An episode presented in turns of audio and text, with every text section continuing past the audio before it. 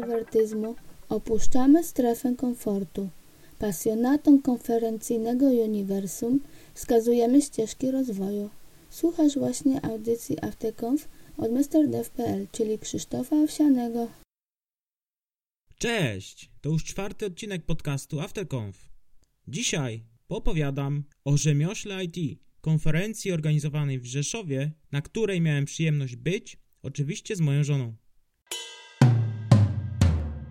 A ja dzisiaj nagrywam z Bielska Białej, ponieważ dzisiaj odbywa się tutaj konferencja Barbecue for IT, czyli 7 września, gdy dzieci już poszły do szkoły. Z innych ciekawych informacji to moje zgłoszenie na konferencję For Developers w Gdańsku zostało zaakceptowane z tematem AIL między piekłem a niebem. Także będę występował na For Developers po raz drugi. Wrzesień to też bardzo interesujący miesiąc dla mnie, ponieważ będziemy jeździć po całej Polsce. Między innymi, jak już wspomniałem, For Developers w Gdańsku, Programistok w Białymstoku, konferencja Segfold we Wrocławiu, a także Ceneo, które będzie miało miejsce także we Wrocławiu. Uda nam się prawdopodobnie też odwiedzić Igrzyska Chmury w Poznaniu, gdzie Mirosław Burnejko będzie szalał pomiędzy uczestnikami. Wracając do rzemiosła, w 2018 roku była to druga edycja tej konferencji. Pierwsza oczywiście miała miejsce rok wcześniej, w 2017. Jest to młoda konferencja, byłem na niej po raz pierwszy. Odbyła się 26 maja, jak już wspominałem, w Rzeszowie, a ściślej mówiąc, w podkarpackim Parku Naukowo-Technologicznym Aeropolis w Jasiące, niedaleko lotniska. Na konferencji miało wystąpić ośmiu prelegentów, Michał Sondej, Piotr Stab, Szymon Warda, Jakub Mrugalski, Maciej Aniserowicz, Konrad Kaplita, Jarosław Pałka i Mariusz Gil. Rozpoczęcie konferencji odbyło się we wspólnej sali, następnie w tej samej sali mieliśmy dwie prezentacje, po czym sala została podzielona na dwie mniejsze części, gdzie odbyły się na sali pierwszej trzy prezentacje, natomiast na sali drugiej dwie prezentacje i Lighting Talk. Mogły wystąpić startupy. Na sam koniec sala została złączona i miała się odbyć ostatnia prezentacja i zakończenie imprezy. Niestety, jeden z uczestników nie przybył na swoją prelekcję i organizatorzy świetnie zaimprowizowali. Zostało na szybko zestawionych kilka krzesełek. Pozostali prelegenci, którzy jeszcze byli na miejscu, wspólnie dyskutowali na temat fuck-upów, czyli był po prostu panel, który wypadł świetnie. Panel był prowadzony przez Jarosława Pałkę. Każdy z prelegentów na przeprowadzenie prezentacji miał godzinę, czyli czas nieco dłuższy niż zazwyczaj, ale można było spokojnie na końcu pozadawać pytania. Rozpoczęcie o 8, natomiast zakończenie rozpoczęło się o 17.30. Oczywiście sponsorzy rozstawili stoiska. Jak to na stoiskach? Długopisiki, notesiki i inne gadżety. Ja oczywiście obszedłem z żoną stoiska, porozmawialiśmy na większości stoisk, jak to zazwyczaj w moim przypadku bywa. Dowiadywałem się, czy jest możliwość pracy zdalnej jako programista C Sharp i taka luźna rozmowa, odebranie pewnych ulotek i na końcu oczywiście należało zgarnąć jakiś fajny kontakt na przyszłość. Może się przydać. Na konferencji udało nam się spotkać kilku znajomych, a w szczególności Kamila Dąbrowskiego i Łukasza Perzyka. Oczywiście spotkaliśmy też Macieja Niserowicza z jego żoną i córeczką, także poznaliśmy w końcu córeczkę. Żonę już wcześniej znaliśmy z Rod Sharpu.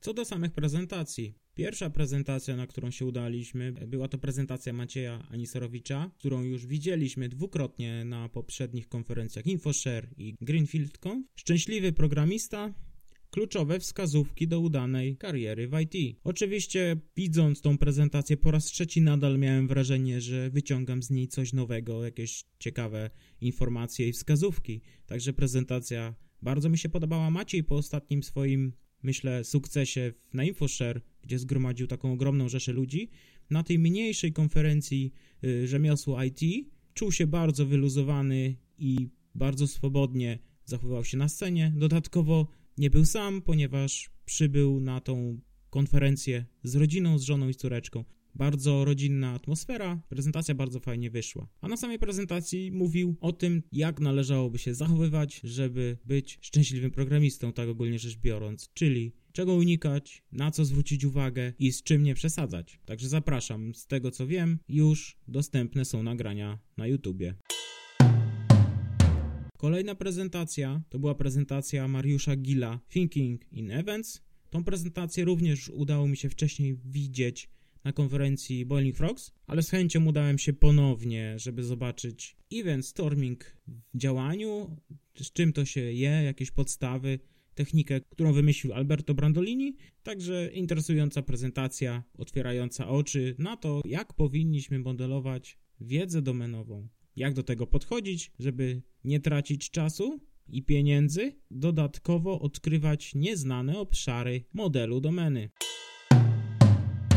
Po tych dwóch prezentacjach należało wybrać salę. No my na początek wybraliśmy salę pierwszą, ponieważ występował tam Jarosław Pałka ze swoim nowym tematem. Wszystkich nas czeka zagłada, czyli dlaczego to co robimy nie można nazwać programowaniem. Na prezentacji uświadamiał programistów, jak często nie wiedzą tak naprawdę, co się dzieje na komputerze, ponieważ często programujemy już wysokopoziomowo i pod samym językiem programowania jest bardzo wiele abstrakcji. Ja akurat jestem już dość starym programistą, bo od dziecka zaczynałem i zdarzyło mi się programować na niskim poziomie w assemblerze, czyli można powiedzieć, że pewne informacje, które usłyszałem, nie były mi całkowicie obce, ale bardzo, bardzo interesująca prezentacja. Oczywiście, jak to w Jarka przypadku, prezentacja zabawna, z anegdotkami, można było dowiedzieć się bardzo interesujących informacji i pośmiać, także naprawdę świetna prezentacja. Następnie udaliśmy się na Lightning Talki, gdzie były przedstawiane startupy. Na Lightning Talkach pierwszy wystąpił Michał z przedstawiając nowoczesne drony. Mówił o tym, jak e, są zbudowane, podstawowe informacje. Wygrali też konkurs inkubatora Samsunga, także fajne informacje, nowe, fajne drony wyglądające bardziej jak samolot niż jak typowy klasyczny dron.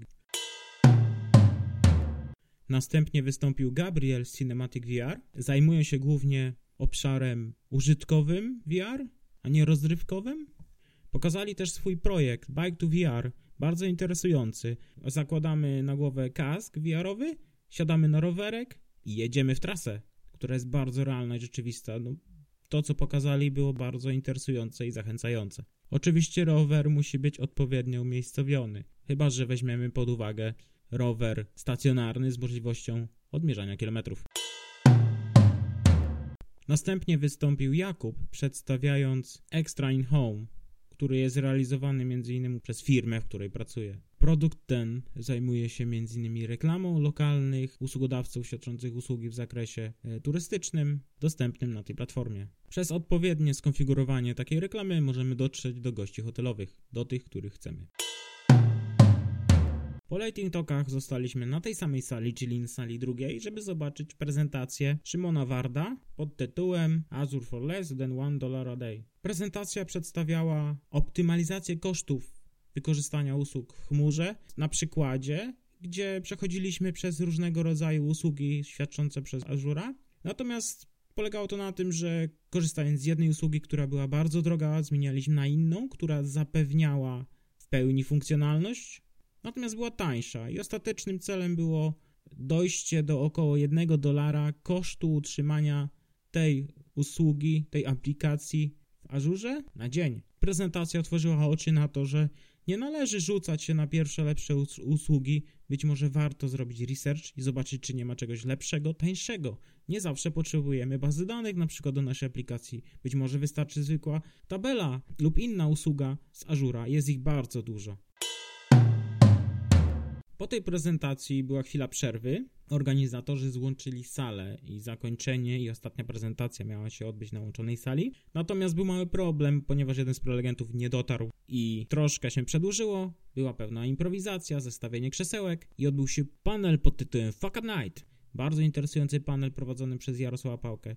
Było naprawdę super. Każdy z uczestników mógł poopowiadać o swoim fakapie. Była fajna dyskusja, było śmiesznie, było super.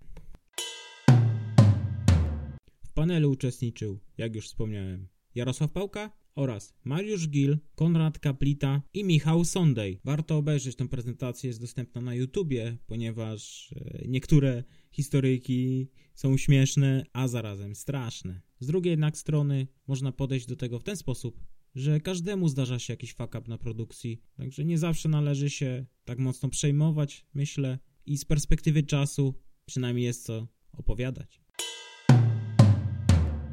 Konferencji zgarnęliśmy Łukasza Pyrzyka i udaliśmy się na after, który odbył się w barze Manufaktura na rynku rzeszowskim.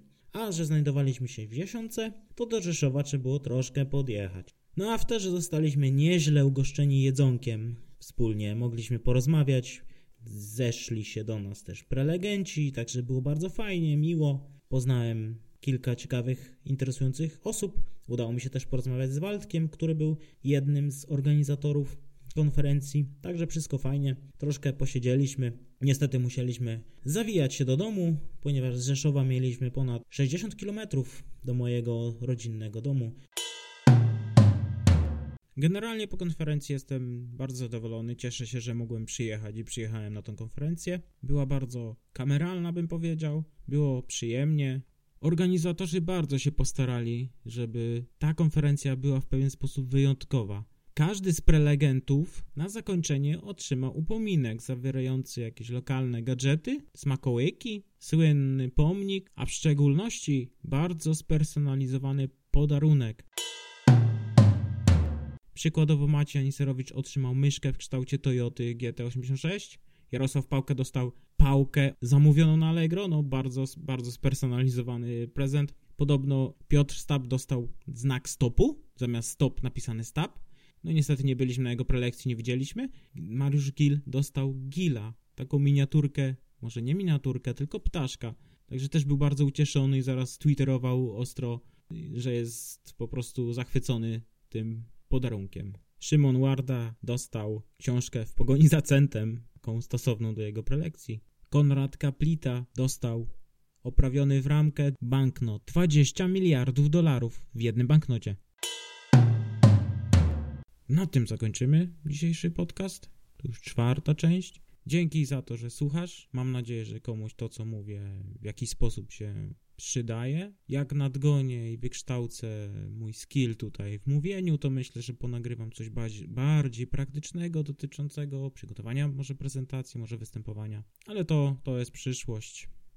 Na tą chwilę dzięki, a ja lecę na barbecue. Na razie.